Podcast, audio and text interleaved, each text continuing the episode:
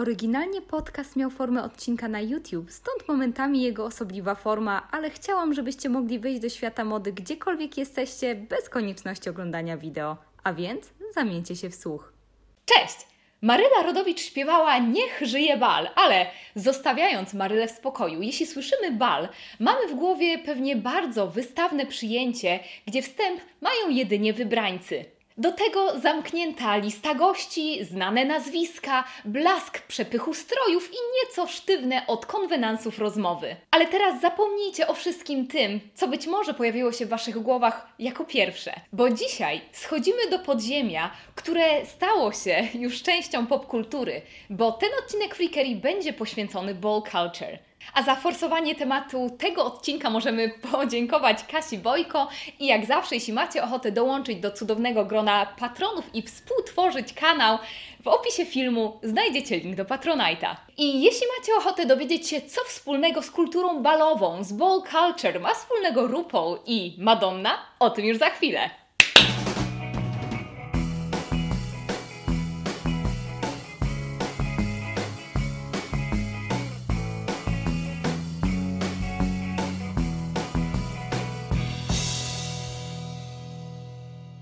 Zaczniemy może od zacytowania Rolling Stone'a, który kulturę balową określa niczym innym jak mianem roztrzaskanego amerykańskiego snu, które w bardzo interesującą mieszankę i swoistą rzeźbę poskładało artystyczne podziemie. Wsiadamy teraz razem do wehikułu czasu i przenosimy się w czasie mniej więcej do okolic połowy XIX wieku, tuż po wojnie secesyjnej. Możemy wysiąść. Przystanek Harlem. Harlem, który był wioską założoną przez Holendrów mniej więcej w XVII wieku, przez lata przerodził się w dzielnicę w dużej części zamieszkałą przez Afroamerykanów. Ale jak do tego doszło? Pod koniec XIX wieku Harlem został wchłonięty przez Nowy Jork i budowa sięgającej go kolei przedłużała się i to znacznie. Między innymi przez to pękła pompowana przez lata bańka drogich, ale wciąż pustych nieruchomości. I oczywiście zachowując w pamięci kontekst dyskryminacji dyskryminacji rasowej tylko przez względy ekonomiczne, niektórzy właściciele nieruchomości zgadzali się na to, aby Afroamerykanie zamieszkiwali Harlem. W ten sposób biznes się kręcił, a dotychczas puste mieszkania i domy mogły po prostu zacząć zarabiać. To z kolei budziło niesmak i panikę wśród białej społeczności Harlemu, a w konsekwencji jeszcze większa liczba Afroamerykanów przyjeżdżała właśnie do tej dzielnicy. I w ten sposób, chcąc być blisko ze swoimi przyjaciółmi, z rodziną lub też mając na myśli po prostu względy ekonomiczne, 10% Afroamerykanów zamieszkujących Harlem na początku XX wieku przerodziło się aż w 70% w latach 30. I właśnie w Harlemie, w Hamilton Lodge 710 upatruje się początków ball culture, kultury balowej. Może pozostańmy sobie przy tym polskim określeniu. I wedle Waszyngtońskiego Muzeum Historii USA pierwszy bal w słynnej loży odbył się już w roku 1869. Cykliczne bale, które na początku nazywano maskaradami, stały się głównie formą ekspresji początkowo dla czarnoskórej części społeczności LGBT.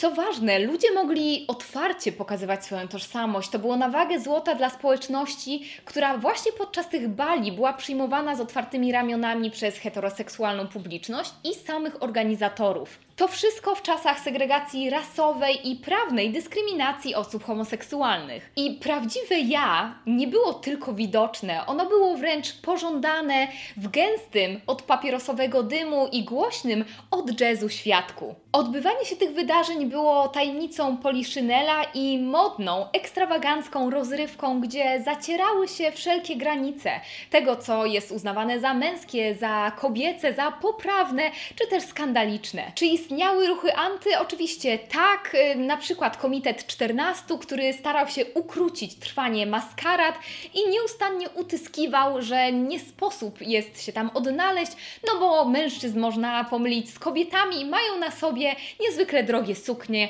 i piękne peruki. I teraz jeden z najważniejszych punktów, jeśli chodzi o kulturę balową, mianowicie lata 20. i tak zwany Harlem Renaissance, czyli renesans w Harlemie, gdzie wówczas była stworzona nowa nowa afroamerykańska tożsamość funkcjonująca w literaturze jako New Negro. Skupiała się ona na pokazaniu bogactwa kulturowego, dążąc m.in. w ten sposób do równości. Ten złoty czas trwał do okolic lat 30., chociaż dla niektórych badaczy trwa on do teraz. Wówczas ten czarny Harlem stał się prawdziwą Mekką, bo do Harlemu zjeżdżały się rzesze ludzi, szczególnie w czasie trwania tak zwanej wielkiej migracji, kiedy bardzo dużo rodzin, znajomych, całych grup społeczności afroamerykańskiej z południa przybywało właśnie do Nowego Jorku, żeby uciec od ówczesnej dyskryminacji. Renesans w Harlemie, również przez to, że miał taki zasięg i stał się modny, interesujący również dla białej części odbiorców,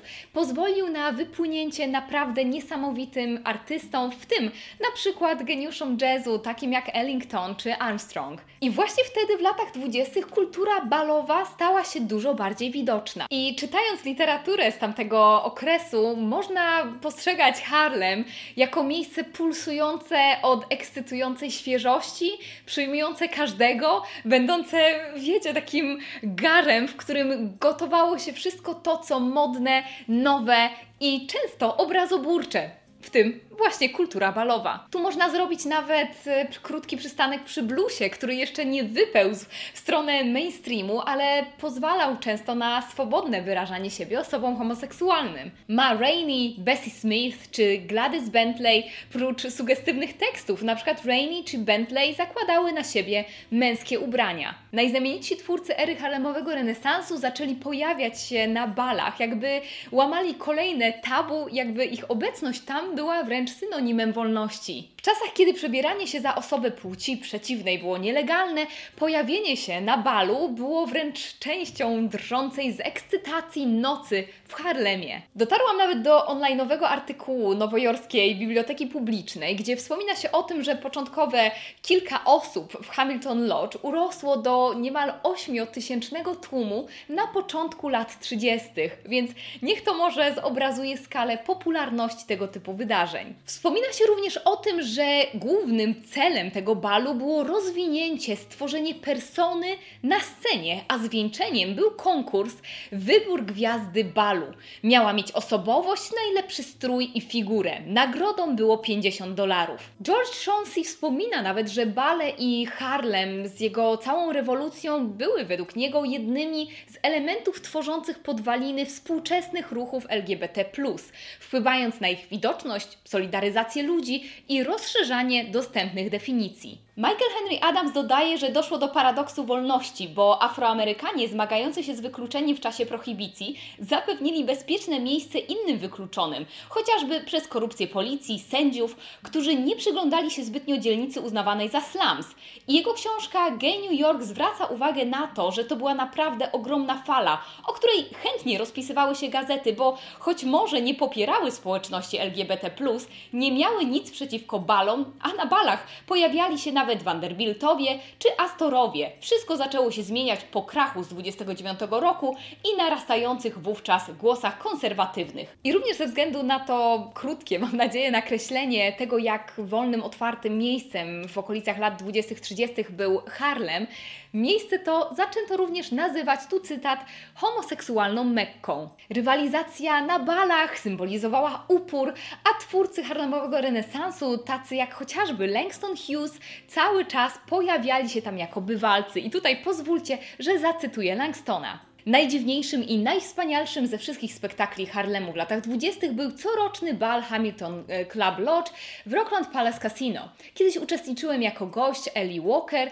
Mężczyźni ubierają się jak kobiety, kobiety ubierają się jak mężczyźni. W szczytowym momencie epoki New Negro i inwazji turystycznej na Harlem modne było, aby inteligencja i liderzy społeczni zarówno Harlemu, jak i centrum Nowego Jorku zajmowali loże. Na tym balu patrzyli z góry na ten cudownie dziwny tłum na parkiecie. Mężczyźni mężczyźni w powiewnych sukniach i nakryciach głowy z piórami, a kobiety w smokingach i garniturach. I tu zatrzymamy się przy kwestii, która była kluczowa w formowaniu współczesnej definicji sceny balowej. Bo choć każdy miał wstęp do Hamilton Lodge, każdy kolor skóry, zacierały się wszelkie granice, od tożsamości po zasobność portfela, wciąż promowano bardziej białych uczestników, a czarnoskórym i latynosom na przykład jury radziło, aby bielili twarz. Nastroje stawały się coraz bardziej napięte i coroczny bal, trwający już tyle lat w Hamilton Lodge, został uznany za nielegalny w roku 1937. Dorzućmy do tego tak zwany trzyczęściowy artykuł, który był nieformalnym pretekstem do zatrzymywania osób LGBT w latach 40., 50., a nawet 60. i polegał na tym, że teoretycznie kobieta, która nie miała na sobie trzyczęściowej garsonki, części ubioru, mogła zostać zatrzymana na przykład za przebieranie się za mężczyznę. Ale wciąż migoczące podziemie kwitło w najlepsze. I kolejna ważna data, bo rok 67 uznaje się za początek tej współczesnej formy balów. Otóż tego dnia Rachel Harlow Miss Philadelphia wygrała konkurs balowy. I wówczas doszło do małego skandalu. Otóż wówczas Crystal LaBeija, reprezentująca Manhattan, zarzuciła jury dyskryminację wobec czarnoskórych i latynosów. I jako pokłosie tego wydarzenia na początku lat 70. powstał pierwszy ballroomowy dom House of LaBeija, który jest związany właśnie z uczestniczką, o której przed chwilą mówiłam. I w ten sposób powstał pierwszy dom z mamą Crystal na czele. Tak narodziła się idea domów, tak zwanych house balls, które dla uczestników stawały się rodzinami z wyboru, zapewniając wsparcie, a także biegłość w meandrach ballroomowych. Więc jeśli usłyszycie kiedyś o House of Extravaganza, House of Dupree czy House of Ninja, już wiecie o co chodzi. I żeby dobrze wczuć się w klimat, polecam Wam tutaj bardzo mocno kultowy już dokument Queens at Heart z roku 67, gdzie zobaczycie wszystko to, o czym przed chwilą powiedziałam. I właśnie w latach 70. ta balowa konwencja przestała już przypominać jedynie konkursy piękności, był również podział na odpowiednie kategorie. Obecność drag queens i w ogóle uczestników sceny balowej była też widoczna i pożądana w kultowym Studio 54, gdzie nie istniały żadne granice, kreując dekadencki wizerunek rozpasanych lat 70. I tak przez lata 70. i 80. popularność sceny balowej cały czas rosła.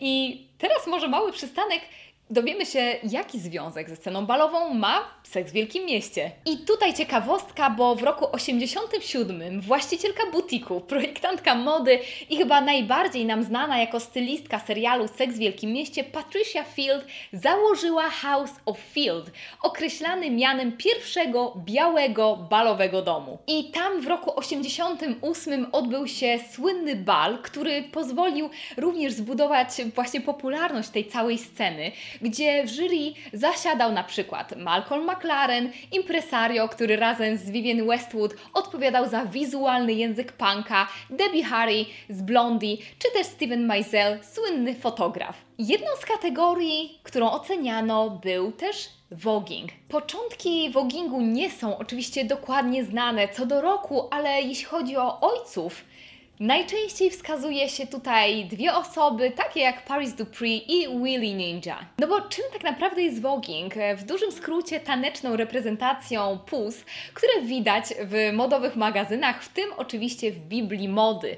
Czyli polega to na tym, że są wykonywane ruchy i gdyby zrobić zdjęcie podczas tańca, wszystko wygląda jak wyjęte właśnie z magazynu modowego. W samych latach 70. taniec ten był znany jako pop, dip and spin i nawet badacze voguingu pozwalają sobie też na powiązanie tańca, który narodził się właśnie w scenach balowych z breakdancem, z pantomimą, czy też ze sztukami walki. I choć przez lata powstało wiele odmian voguingu, takie jak na przykład Vogue Femme, najbardziej znaną podstawową formą jest tak zwany Old Way. I on właśnie zasadniczo naśladował ruchy z magazynu o modzie, New Way opracowany w latach 80. był bardziej dynamiczny, akrobatyczny, sportowy, często zawierał różne wygięcia i wpływy właśnie wspomnianych sztuk walki. To, co jest bardzo ważne w tym typie tańca, to kreowanie przez ruch scenicznej persony i opowiadanie ruchem historii. Idąc dalej, w roku 89 wspomniany już wcześniej ojciec wogingu Willie Ninja pojawił się w piosence Malcolma McLarena o tytule Deep in Vogue i również pojawił się tańcząc w czarno-białym, uchodzącym zresztą za kultowy teledysku. Willy Ninja i jego styl stali się na tyle rozpoznawalni, że podobno maczał on również palce w stylu chodzenia po wybiegu nadzwyczajnej Naomi Campbell. I możemy teraz zastanowić się, w jaki sposób ta scena balowa wpełzła znowu do mainstreamu, bo była rozpoznawalna już i pożądana w latach 20. i 30., później się schowała i wypełzła ponownie, zaszczepiając się w głowach tylu osób właśnie na przykład dzięki telewizji i mediom masowym. I tutaj możemy namierzyć takie dwie przyczyny. Przede wszystkim dokument Paris is Burning, a po drugie Madonna. Oczywiście Madonnie zarzucano sprzedanie i spłycenie całej kultury balowej do promowania tego wielkiego hitu ostatniej dekady XX wieku, ale z drugiej strony chyba każdy, kto słyszy Vogue,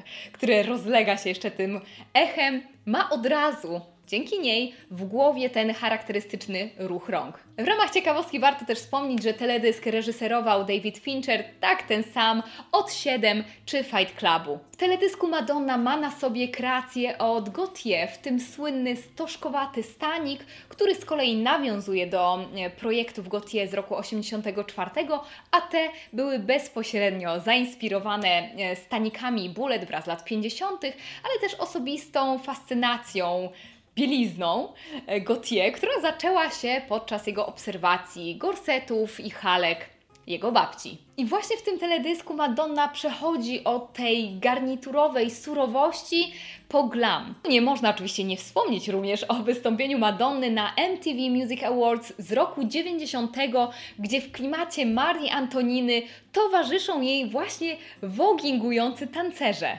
Ale mając już podstawy, myślę, że możemy przejść bezpośrednio do mody. E, no bo ballroom, no bo kultura balowa jest często wiązana właśnie z glamem. Nawiązuje do tego nawet stylistyka klipu Madonny, która jest utrzymana w tym rozmydlonym stylu glamour, zupełnie jak ze słynnych portretów George'a Harrella. Zresztą, jeśli wsłuchamy się w tekst, Madonna wymienia na przykład te słynne gwiazdy, takie jak Marlene Dietrich, flirtująca z męską garderobą, Lana Turner czy Jane Harlow. Nie jest to też przypadkowe, bo te sceniczne persony e, balowej społeczności bardzo często nawiązują do ikon złotej ery Hollywood. Pozwalało to na skonstruowanie stereotypowej osobowości gwiazdy, która właśnie przez ten glamour skupiała w sobie to, co można uznać za taką esencję filmowej wersji kobiecości. Więc skupiały w sobie dopracowaną garderobę, niski zmysłowy głos czy teatralność gestów. Bo w końcu drag, czy po prostu ta kultura balowa jest pewnego rodzaju spektaklem, który musi być dobrze widoczny, musi migotać i być podziwiany z daleka. I właśnie połysk, blask, migotanie, przesada to wszystko było widoczne w złotej erze Hollywood. Jack Babusio, historyk filmu, wspomina o ironii, teatralności, humorze i tragedii, które właśnie towarzyszą aurze starej fabryki snów i stanowią też część kampowej estetyki, która spaja się właśnie z kulturą balową z kolei. A co do mody, oczywiście voguing nawiązuje do właśnie Biblii modowej, ale też też same standardy piękna, sposób chodzenia nawiązuje właśnie do tej wyniosłości, do tej wyniosłej idei piękna widocznej na wybiegach. Ale nazwy niektórych domów ballroomowych nawiązują bezpośrednio do domów mody, czyli mamy na przykład House of Dior. Zresztą osoby uczestniczące w konkursach balowych nawiązują często bezpośrednio do konkretnych momentów w modzie, tego co działo się na przykład na wybiegu i nawet było to widać u RuPola. No właśnie, nawet tutaj możemy zatrzymać się przy RuPolu, który w latach 90.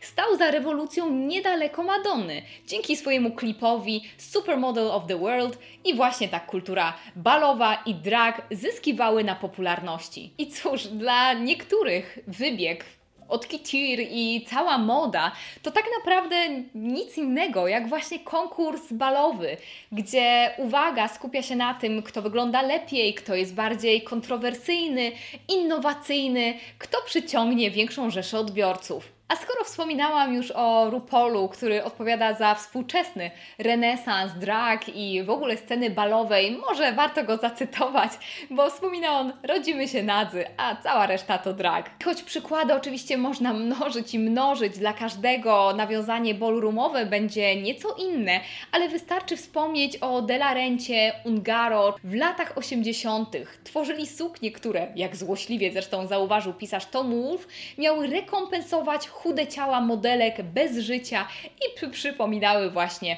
konkursy drag queens. Vivienne Westwood zagłębiała się w gorsetowo przejaskrawionej estetyce z punkowym pazurem.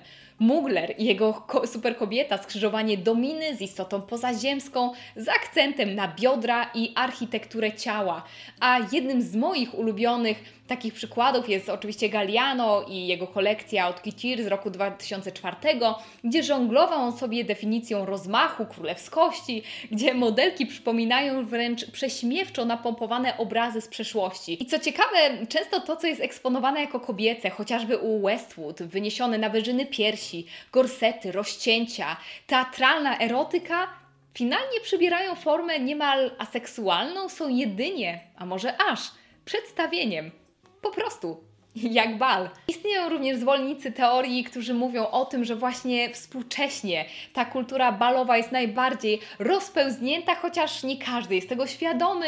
I tutaj nawet pokazuje się przykład chociażby z makijażu, popularne pewien czas temu, konturowanie widoczne u Kardashianek, można przecież odnaleźć właśnie w kulturze balowej i w ogóle w makijażach drag queens. A zresztą właśnie Pat McGrath, której makijaże dla ery Galliano u Diora są dla niektórych definicją współczesnego dragu. Ale czy w tym wszystkim, właśnie w modzie czy scenie balowej, nie chodzi o coś nieco podobnego, czyli tworzenie swojego wizerunku i tego, jak chcemy być odbierani przez odpowiednie ubiory czy makijaż? W roku 2016 nawet Beyoncé wspomniała, że kultura balowa miała na nią ogromny wpływ pod względem rozmachu, błysku przez całą część e, właśnie amerykańskiego dziedzictwa, które przez lata było ukryte, a z którego wzięła ten swój ultra glamour. Ogromna popularność serialu RuPaul Drag Race czy na przykład Pose na pewno pozwala zapamiętać drag czy chociażby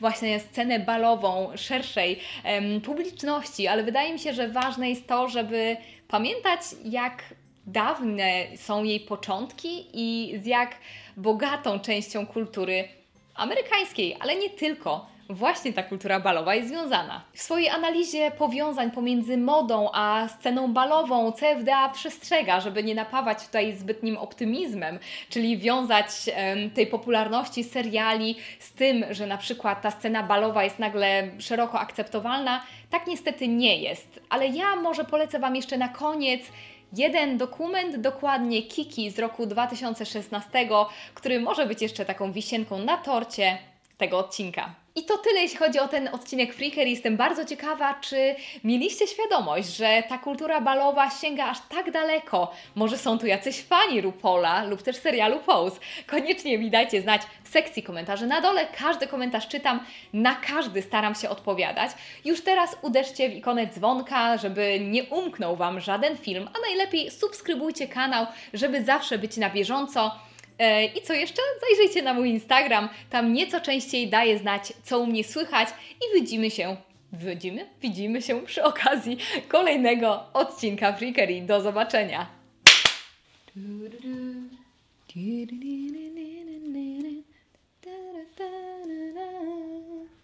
Mm-hmm.